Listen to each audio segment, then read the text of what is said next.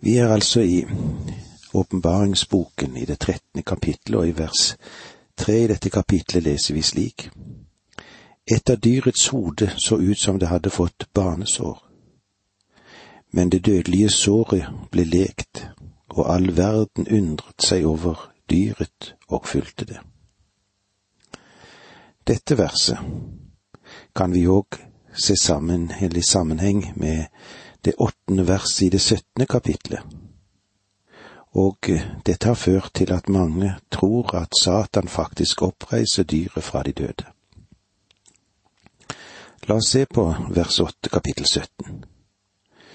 Dyret du så, det var og er ikke mer, men det skal komme opp fra avgrunnen og går sin undergang i møte. Og de som bor på jorden, og som ikke har fått sitt navn skrevet i livets bok fra verdens grunnvoll ble lagt, de skal undre seg når de ser dyret, det som var og ikke er mer, men som skal komme igjen. På grunn av disse to versene som har trukket en slutning at dyret faktisk ble oppreist fra de døde av Satan, det kan ikke være for Satan, han har ingen makt til å oppreise de døde. Den makten er ikke blitt gitt til ham i det hele tatt. Det er bare Jesus Kristus som er den eneste som kan oppreise døde. Johannes, han i sitt evangelium, det gir oss disse ordene fra Jesu munn, og da ser vi i kapittel fem og to-tre vers utover der 21, 25, 28 og 29. For like som Faderen reiser opp de døde og gjør dem levende, slik gjør også Sønnen levende dem han vil. Sannelig, sannelig, jeg sier dere, den tid kommer, ja, den er nå, da de døde skal høre Guds sønns røst, og de som hører, skal leve. Dere må ikke undre dere over dette for den time kommer da alle de som er i gravene skal høre hans røst. De skal komme fram, og de som har gjort det gode skal stå opp til livet, men de som har gjort det onde skal stå opp til dom. Det er bare den Herre Jesus som kan oppreise døde. Satan kan ikke det. Derfor tar jeg det som gitt at dette at dette oppvekkelsen er et falsum. Det er et, fingert oppstandelse, dette. De som har det synspunktet at Satan oppreiser dyret fra de døde, tolker dyret bare som et menneske. At Oldkirken så det slik, finnes det flere vitnesbyrd om. De var uenige når det gjaldt spørsmål om hvem dyret var. Noen mente at det var Judas Iskariot andre tolket det som Nero. Selv Augustin, han skrev det slik. Hva menes med uttrykket om ondskapens hemmelighet allerede er i funksjon? Noen mener at det her tales om det romerske riket, og derfor talte ikke Paulus i klare ord, selv om han alltid forventet at det han sa ville bli forstått, det som angikk Nero hvis gjerninger allerede fremsto som antikrists gjerninger. Derfor var det at noen mente at han ville oppreise ham fra de døde som antikrist. Og så er det andre som mener at dyret her henviser til det romerske imperiet, og at den styreformen som rådet da Rom falt, ville bli gjenopplivet på en overraskende måte. Jeg tror at noe slikt vil skje men jeg tror ikke at det er en oppstandelse, for Rom døde aldri. Rom falt fra hverandre. Men Antikrist vil lappe sammen det rike som falt fra hverandre, og i denne prosessen vil det skje forunderlige ting. Det romerske imperium har aldri egentlig dødt. Det lever mellom nasjonene i Europa også i dag. Jeg tror at begge disse synspunktene som vi har vært innom, har noe for seg. Også finnes det ting som en kan stille spørsmålstegn ved. Det kan aldri bli noen reell oppstandelse fra det onde mennesket før vi da står ved dommen ved den hvite trone. Og på den tid er det bare Kristus som kan oppreise de døde. Kristus selv vil oppreise de døde som står for den hvite troen, slik som vi ser i Åpenbaringen 20, 11-15. Vi har allerede sett på noen vers i Johannes sitt evangelium i det femte kapitlet der, men la meg få lov til å understreke versene 28 og 29 igjen. Dere må ikke undre dere over dette, for timen kommer da alle de som er i gravene skal høre hans røst. De skal komme fram, og de som har gjort det gode skal stå opp til livet. Men de som har gjort det onde, skal stå opp til dom. Bare Kristus kan oppreise døde både de frelste og de fortapte. Satan har ingen makt til å oppreise døde. Han er ingen livgiver. Han er en djevel. Han er en ødelegger. Han er et dødssymbol.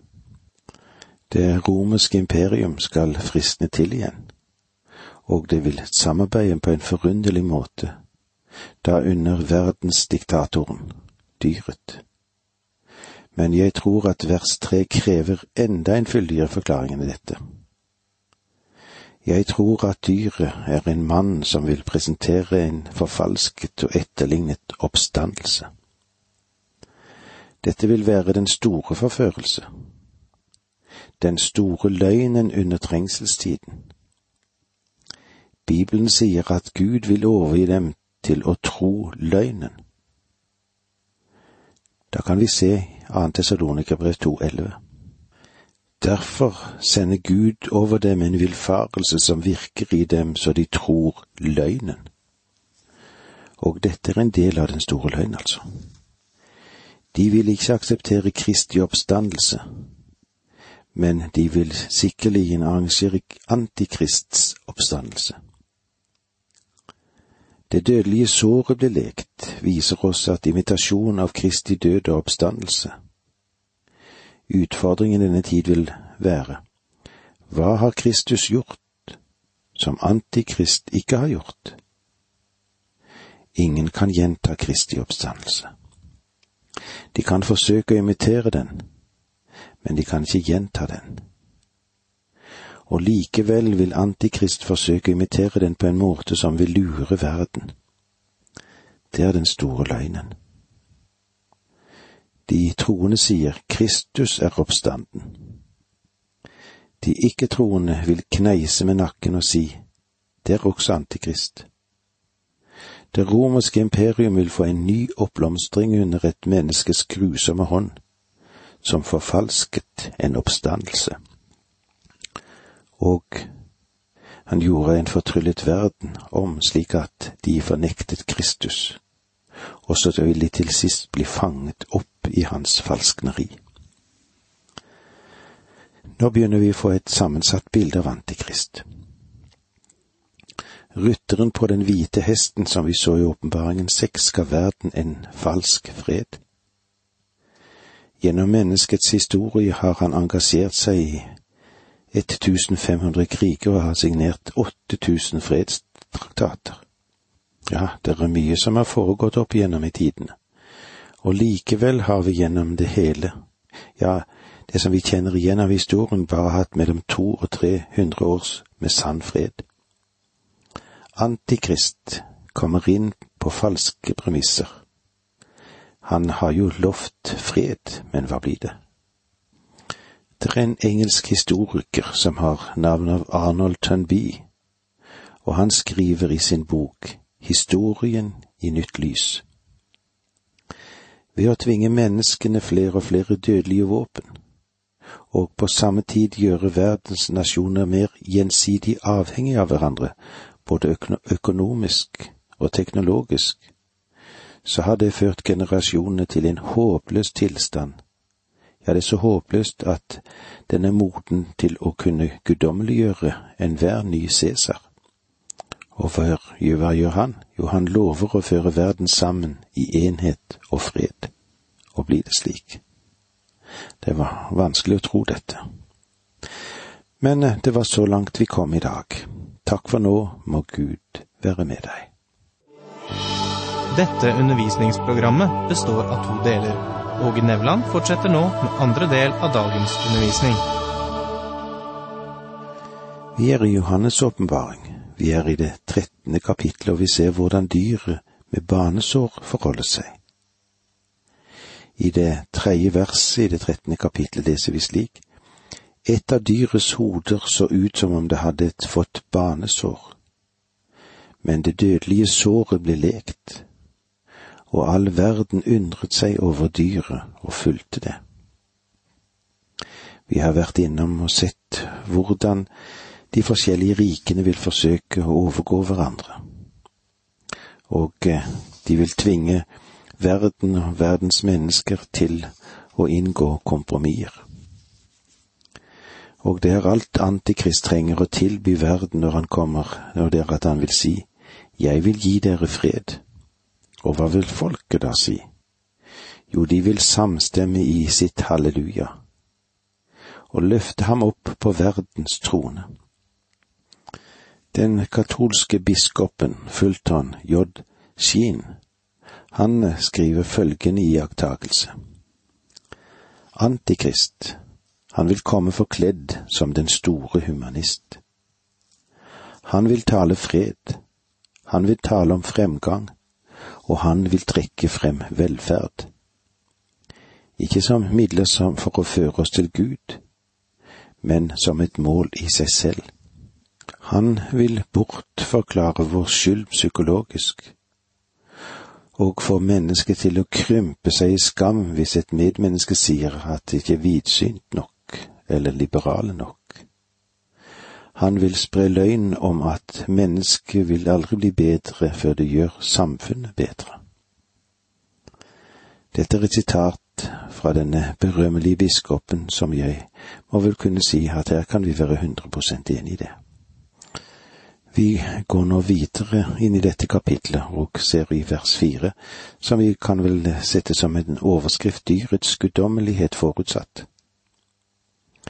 Folket tilba draken fordi den hadde gitt dyret makt, og de tilba dyret og sa, Hvem er som dyret, og hvem kan kjempe mot det? Dette må vi vel kunne si er Satans største øyeblikk. Han ønsker å bli tilbedt, og hele verden skal tilbe ham i denne perioden. Om Guds ånd tok sin hånd bort fra denne verden i dag, tenk om han hadde tatt den bort ifra deg og meg. Ja, da er jeg redd for at mange av oss ville vært frafalne på et øyeblikk. Og om Antikrist hadde dukket opp, ville vi fulgt han som en trofast hund følger sin herre. Og de tilba dyret og sa, Hvem er som dyret? Hvilken parodi på sann gudstilbedelse. De sier, Se, vi tilber noe som er mer vidunderlig enn Bibelens Gud. Vers fem. Det ble gitt dyret en munn som kunne tale store og bespottelige ord, og det fikk makt til å holde på i 42 måneder. De eneste gode nyhetene her er at Antikrist bare skal herske i 42 måneder, eller i tre og et halvt år. En munn som kunne tale storordet, betyr en ordrik løftemaker, som ikke har dekning for det han sier. Daniel nevner også dette angående ham. Han vil love hva som helst Vær forsiktig med de som vil love deg gull og grønne skoger, inkludert han som du lytter til nå, eller kanskje noen politiker eller pedagoger eller mediemennesker. Vi må prøve alt det vi hører. Antikrist, han kommer i sannhet til å ha en strålende karisma. Han vil makte å snakke om seg selv og andre inn i alle de goder som en Kristus-fornektende verden påstår at den har. Dyret fornekter Gud.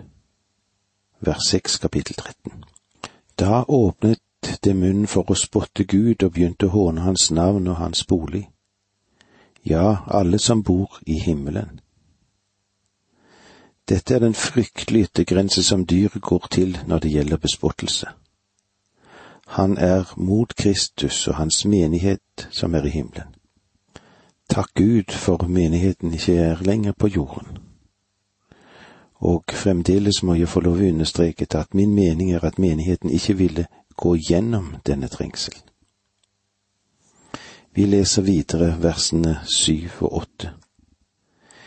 Det fikk også lov til å føre krig mot de hellige og vinne over dem, og det fikk makt over hver stamme og hvert folk, hver tungemål og hver nasjon, og alle som bor på jorden skal tilbe dyret, og alle som fra verdens grunnvoll ble lagt, ikke har fått sitt navn skrevet i livets bok hos lammet, som ble slaktet. De fikk også lov til å føre krig mot de hellige og vinne over dem. De hellige, og det vil bli en stor gruppe av dem under trengselstiden, selv om de ikke direkte er en del av menigheten. De skal overvinnes av det brutale dyret. Etter Guds vilje vil mange troende, både jøder og hedninger, lide martyrdøden. Og alle som bor på jorden skal tilbe dyret. Alle som fra verdens grunnvoll ble lagt, ikke har fått sitt navn skrevet i livets bok hos lammet som ble slaktet. Dette vil altså være det klare markeringspunktet hvor en har liv eller ikke liv der i Kristus livet finnes, og de som han kjennes ved, de lever. Dette vil være den mørkeste time i verdenshistorien, og jeg takker Gud for at menigheten ikke skal være der. Jeg er glad for at jeg ikke skal gjennom den store trengselsperioden, selv om jeg fullt og fast tror at Kristus vil bevare meg om han hadde sett det tjenlig men jeg skal ikke være under Antikrist. Hvorfor? Jo, fordi jeg er under Kristus. Jeg ser ikke etter Antikrist. Jeg ser etter Kristus som skal komme i skyene for å hente sin menighet. Villdyret vil ikke motarbeides av noen. Versene ni og ti. Den som har røre, hør dette. Den som skal i fangenskap, han må gå i fangenskap. Den som skal drepes med sverdet, han må dø for sverd. Her gjelder det at de hellige holder ut og har tro. Dette er uten tvil et av de ord i Bibelen som fyller meg med dyp ærbødighet. Den som. Den som, det er et trefoldig innbydelse, dette, til alle som har ører som hører Guds ord under alle tidsaldre. Troen kommer av at det å høre, det å høre Guds ord, det er det som sies oss. Har noen ører, han hører. Her har du igjen denne forbindelsen mellom fri vilje og utvelgelse.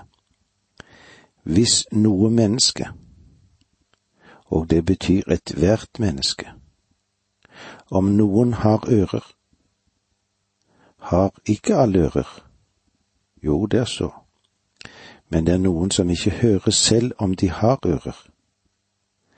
De mennesker som ikke lytter i det hele tatt, de vil komme i en vanskelig situasjon. Og det er det som ligger i dette begrepet å ikke høre. William Barkley han forteller i en av sine andaktsbøker om handikappets velsignelser. Selv hørte han svært dårlig, og hadde høreapparat på begge ørene. I kraft av sin tjeneste som professor og engasjement i mange råd, var han tvunget til å delta på utrolig mange komiteer og styremøter. Han beskriver velsignelsen ved å kunne skru av høreapparatet og slippe å høre alt det tomme pratet som foregikk på slike møter. Og det synspunktet på velsignelsen kan vi kanskje av og til dele. Men det er mange mennesker som ikke har øreapparater engang. I alle fall når det gjelder å høre Guds ord. De vil ganske enkelt ikke høre det. Jeg skulle gjerne hatt hvert eneste menneske i hele landet sammen med meg når vi går igjennom denne programserien Veien i Bibelen. Tenk om de ville lytte til og høre hva Gud har å si. Da ville det blitt forandringer i vårt land, du. Men jeg tror ikke i mine villeste drømmer eller fantasier at alle i dette landet vil studere Guds ord. Jeg vet at det er bare noen få som har øre, et øre som de kan benytte seg av og lytte til hva Guds ord har å si og gi dem. Tenk om vi som er troens barn brukte litt mer tid for Bibel og bønn. Ja, da ville det oppstå store ting i samfunnet vårt, det er det ingen tvil om. Bruk nå en liten stund innenfor Guds åsyn og be en bønn for landet vårt og folket vårt. Be Han om å oppreise forkynnere som kan bære frem et klart budskap til nåtidens mennesker. Ja, det var det vi fikk med oss i dag. Takk for nå, må Gud være med deg.